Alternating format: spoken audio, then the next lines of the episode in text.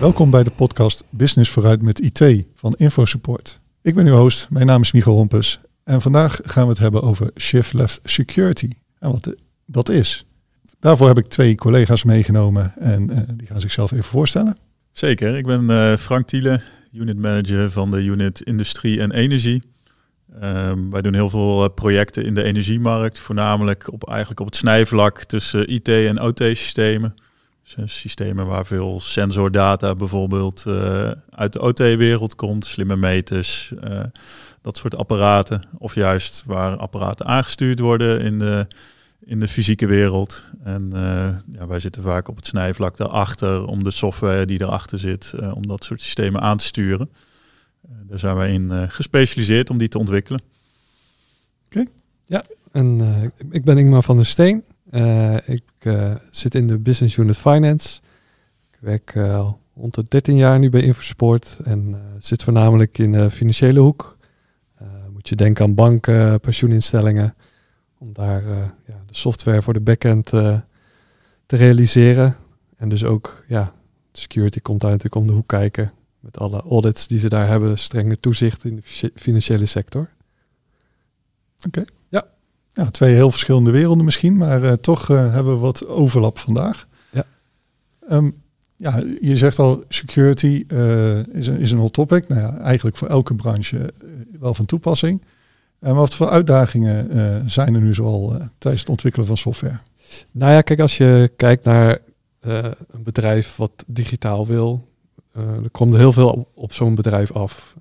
dat zie je ook in de financiële sector. Dan zie je ze willen digitale processen, hè, dus minder kantoren. Uh, ze willen dingen met uh, big data doen, data-driven zijn. Ze willen schalen. ze willen ook agile zijn, hè, dus er is veel concurrentie. Dus dan ja, wil je snel naar de markt met je product, want anders doet de concurrent het ook. Tegenwoordig uh, onderscheiden de banken zich volgens mij eerder met de beste app uh, dan ja, de beste kantoren, zeg maar. Ja, precies. Dat is natuurlijk het visitekaartje nu. En uh, ja, dat moet snel gaan en agile. En nou ja, ze moeten ook iets met security doen, maar daar wordt het wel eens uh, ja, spannend, want je moet daar wel uh, op tijd genoeg aan denken. Uh, want ja, anders staat het al in productie met alle gevolgen van dien. dus dat zijn de uitdagingen. Hè? Hoe kun je agile zijn, maar ook secure zijn? En je ziet wel vaak dat dat op een spannings ja, tegen elkaar komt te staan. Dus ja, dat is het, de uitdaging. In de energiewereld heb je denk ik wat minder uh, die, die commerciële, althans bij de, bij de netbeheerders, uh, ja. die, die hebben meer de, de, faciliterende rol, maar dan zie je denk ik wel een beetje hetzelfde. Um, uh, security is daar altijd al een belangrijk onderwerp geweest en verdient natuurlijk veel aandacht, zeker met de ontwikkelingen tegenwoordig, met alle cyber threats, waar ja. de energiesector natuurlijk wel een kritische infrastructuur is. Er was altijd al heel veel, veel aandacht, maar voornamelijk achteraf. Door achteraf uh, ja. oplossingen te pentesten, uh, aan te tonen dat ze voldoen. Um, maar van oudsher is er denk ik wel minder aandacht tijdens het ontwikkelen van, uh, van dat soort oplossingen. Heeft er ook mee te maken dat dat soort, soort sectoren ook steeds meer agile gaan werken. En het niet meer grote projecten zijn die opgeleverd worden en dan pas in gebruik genomen worden. Ja dat soort organisaties nu steeds meer eigen teams hebben die uh, software ontwikkelen en uh, al snel dingen live gaan zetten. En dat vereist dan ook wat voor, uh, voor security in de aanpak. Ja, ja dus het, het, agile proces hoor ik heel vaak terugkomen. Het, het snel kunnen opleveren. Een minimal viable product is daar vaak ja. een term die bij gebruikt wordt. hartstikke mooi om snel naar de markt te gaan. Uh, nogal een gevaar uh, als je daarbij bepaalde facetten van je oplossing uh, vergeet of te laat doet. Nou, zoals in de softwareontwikkeling al vaker is, hoe eerder je iets oplost, hoe goedkoper en hoe later je iets doet, hoeveel duurder het is voor je project of voor, je, voor, je, ja, voor de organisatie om, om dit weer op te lossen. Zijn er nou manieren om ja, als bedrijf daar dan tegen te wapenen? Ja, zeker. Wat je nu heel veel ziet is dat er heel veel technieken zijn. Nou, zoals Frank al net zei, uh, met pentesten. dat je dan ja, je risico's op security kan ontdekken. Of je, je bugs eigenlijk. maar dat zit voornamelijk aan de rechterkant van die cycle. veel met het, tijdens het deployen, tijdens het monitoren van je systemen. gaan, gaan we kijken naar security. Alleen de technieken die je ook al kan toepassen zijn al veel eerder. Dus uh, nou ja, de shift left is dat. Dus meer naar links, het opschuiven van je denken aan security uh, tijdens het, de, de designfase al van je, van je software. En ook het bouwen van je software. In die twee fases kun je ook al goed aan security denken. Um, dus eigenlijk als je zegt, ja, het ontwikkelproces van een applicatie begint hè, links bij het ontwerp, bouwen, het, het, uitrollen en het in beheer hebben helemaal rechts. Hè. Als ja. je van links naar rechts kijkt, uh, security zit nu vaak dan heel erg rechts. En jij zegt, ja, we kunnen dat naar links toe ja, shiften. Precies. En het is wel, de, de nuance is wel dat je het ook rechts moet blijven doen. Het is niet, we gaan het nu eerder doen en dan doen we het niet meer aan de, aan de latere kant.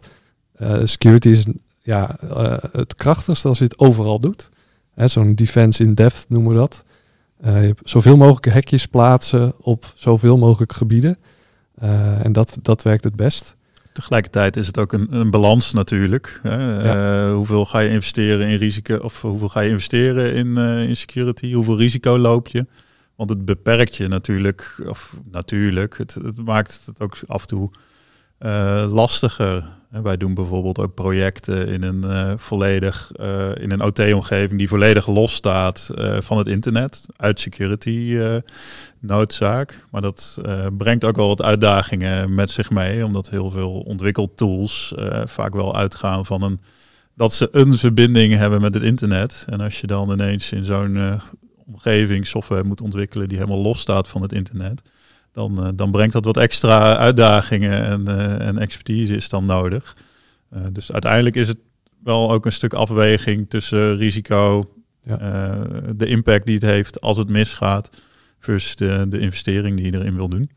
Ja, zeker. Ja, die risk appetite, zoals ze dat in de financiële hoek ook wel noemen, dat is echt wel belangrijk. Want je kan heel ver gaan met security, maar op een gegeven moment offer je ook usability op. Hè? Hoe makkelijk kan een gebruiker met het systeem uh, ja, aan de gang? En dat is uiteindelijk waar je ook uh, aan moet denken en op moet letten dat dat niet de ene, te ver de ene kant op gaat. Uh, maar er is zeker terrein te winnen als we het meer aan de linkerkant doen. En ik vergelijk het vaak met een huis. Als je een huis hebt, je het ramen en deuren daarin zitten. en als je dat huis nog niet eens gebouwd hebt, kun je al bedenken, ja, ik wil hier een raam, daar een deur. Maar als je, hoe meer ramen je neerzet of hoe meer deuren, ja, een inbreker kan natuurlijk ook door zo'n raam of deur gaan. Uh, dus dat is de zogenaamde attack service van je, van je software. Dat kun je vergelijken met al je ramen en deuren van je huis. Um, en je kan al, voordat je überhaupt dat huis hebt gebouwd, kun je al uh, bedenken van ja, uh, wat voor sloten moet ik hier op die ramen en deuren zetten? En wil ik überhaupt daar wel een raam hebben? Uh, misschien wil je die functionaliteit die jij wil, is misschien niet eens nodig of wat dan ook. Dus je, die ingangen in je huis kun je al over nadenken voordat je überhaupt de software hebt gebouwd. Um, en dat noemen we dan uh, met een uh, mooi woord threat modeling. En dat is een van de technieken om, ja, om voordat je het gebouwd hebt, is te kijken, oké, wat, wat willen we nou aan de gebruiker bieden in de software? Wat moet het kunnen? En wat voor maatregelen passen daarbij als we dat raam daar neerzetten? Uh, als ik een voorbeeld uh, kan geven, vaak uh, kun je bestanden uploaden in een software systeem. Ja, dat is een raam wat best gevaarlijk is, want een aanvaller kan bijvoorbeeld een heel groot bestand gaan uploaden. Kijken wat het systeem doet. Gaat het plat? En het nieuws zijn ook heel veel van die voorkomens dat er gewoon systemen plat worden gegooid door alsmaar grote bestanden of verzoeken te doen. En uh, daar kun je al over nadenken voordat je het überhaupt gebouwd hebt. Uh, dat is een mooi voorbeeld. Ja, vorig, vorig jaar, uh, eind vorig jaar was KLM natuurlijk in, in het nieuws over dat sms'je waar een linkje in staat voor je passagiersgegevens. Ja, en daar stond een, was een code in die was te kort. En zo kon je dus al die codes uitproberen. Nou ja, de passagiersgegevens konden dus worden opgevraagd door een persoon die helemaal niet geautoriseerd was daarop. Um, en dat soort dingen kun je, ja, zou je met shift left al hebben kunnen voorzien van hey, wat uh, zou een aanvaller hiermee kunnen doen als we zo'n raam aanbieden aan een gebruiker? Het is ook vooral om je, ja, je team, de mensen die erbij betrokken zijn, zich daar ook heel erg bewust van te maken. Vaak maken we dan als we software gaan bouwen, heel snel is de afweging, is de business case, kan die uit, heeft de waarde die we, die we bouwen, weegt dat op tegen de kosten. Um, maar het ander belangrijk aspect is net wat, uh, wat Ingmar aangeeft. Uh, security, ja, het, kan de business case wel waard zijn. Maar als dat een enorm risico met zich meebrengt, is dat een ander, ander punt wat je daarin je, je keuze meeneemt. En dan kan je alsnog kiezen, ja, dit is te risicovol. pakken we anders aan. Je noemde net al threat modeling. Um, is dat de enige manier om, uh, om hier aan te werken? Oh nee, zeker niet. Uh, je kan nog heel veel uh, kant op. wat we ook veel doen bij de, bij de klanten van Infosport is um, de Secure Code Review. Um, dus dat, je, moet, je moet bedenken, wij kunnen natuurlijk de software ontwikkelen. Hè. We zitten nou, we hebben een threat modeling hoort bij de designfase. Als je je software gaat bouwen, kun je ook je review op je code, hè, de geschreven broncode, kun je ja, met een security bril op doen. Uh, niet alleen kijken van ja, doet het wat het moet doen, maar ook kijken van hey, kan een aanvaller hier iets doen uh, wat wij niet willen? Hè? Uh, en op met die manier naar jouw broncode kijken, hè, een zogenaamde secure code review helpt al met je collega's in die mindset te komen van security. Dus van denken van wat zou een aanvaller hiermee kunnen doen? Um, dat is een vraag die je al kan stellen. En natuurlijk, je leert als je iets ontdekt hebt in je code wat niet heel veilig is, kun je het ook weer oplossen. En die, die uh, wisselwerking tussen reviewen en het oplossen in jouw team, dat zorgt ook dat je meer die mindset hebt van security. Dus dat komt meer in je workflow. Uh, je gaat eraan denken en dan wordt het veiliger. Um, dus dat is één manier. Nou ja, ik, ik, heb er nou wel een vraag over. Want ik kan me wel voorstellen dat uh, nou, je kan er met een security bril naar kijken en van elkaar leren. Maar je hebt er natuurlijk dan wel, lijkt mij, in je team al, al kennis op security vlak nodig. Ja, je moet het wel op gaan starten. Um, wat je kan doen is uh, een, een, zogenaamde security champion in gaan zetten. Uh, wat we veel doen is iemand die gewoon ja, bovengemiddeld geïnteresseerd is in security. Ja, die binnen jouw organisatie de mensen ja, uh, enthousiast maken over security of erop wijzen. Uh, en op die manier zou je dus een secure code review door een security champion kunnen doen. Ehm, nou, die gaat dat doen. Jij leest zijn feedback. Nou, jij leert daar ook iets van. En dan zo, zodoende word jij ook daar beter en beter in. En krijg je meer security champions binnen je organisatie. Uh, op die manier om het uh, proces op te starten. Dat is wel belangrijk, ja. En die kunnen dan eigenlijk net als andere disciplines, uh, Scrum Masters, Product Owners, ook in je organisatie gilden. Ja, zeker. Je kan er gewoon een doorsnee van je organisatie, kun je, dat, kun je daarbij beginnen. En je hoeft dat niet binnen één tak van je organisatie alleen te laten landen. Je kan juist, het is juist krachtig als je het deelt. Want je wil security, ja, wil je niet één keer of op meerdere keren uh, opnieuw uitvinden in elke tak van je organisatie. Je moet dat juist gelijk delen. We gaan het zo doen. Iedereen doet het zo. Het proces is uh, A, B, C. En uh, ja, dat is een veel betere manier om met security om te gaan. Um, maar dat is alleen de, de, het manuele review. Dat, nou we zijn natuurlijk allemaal mensen, dus het is ook foutgevoelig. alleen je kan ook uh, het automatisch laten doen. Dus er zijn wat, ja, dat heet statische tools. Uh, die checken dan op een statische manier uh, jouw broncode op ja, security findings. en op die manier hou je het ook automatisch in de gaten.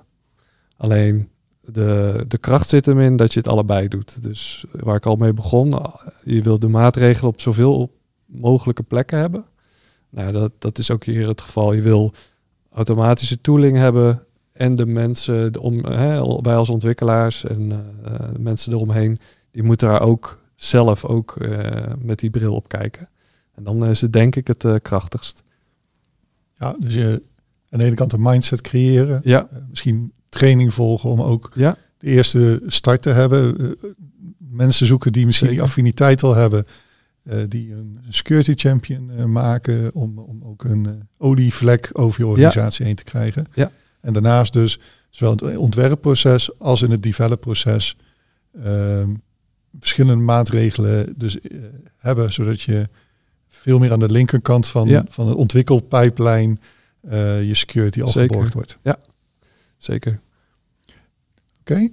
Ehm, wat kunnen organisaties vandaag al doen als zij dit horen en denken: oké, dit, dit moet misschien ook al in mijn organisatie aandacht. Uh, ja, zeker. we hebben het nu natuurlijk heel veel over engineers gehad en uh, wat technischere op, ja, oplossingen. Maar je zou morgen, bij wijze van spreken, al in je organisatie gewoon eens naar de IT-afdeling kunnen lopen en zeggen van ja, hoe, hoe doen wij het eigenlijk? Hè? zitten wij meer aan de rechterkant van de pipeline? Hè? Dus meer in de, als we het uh, deployen, de software, naar, naar, eh, als het live staat. Of uh, als we het monitoren. Maar doen we het misschien ook meer aan de linkerkant? Of, ja, of doen we dat helemaal nog niet? Of willen we dat niet al gaan doen? En dat is denk ik al de eerste actie die iedereen kan doen. Is afvragen waar jij zit in dat, in dat spectrum. ja, om zo dat meer naar de linkerkant te krijgen het liefst.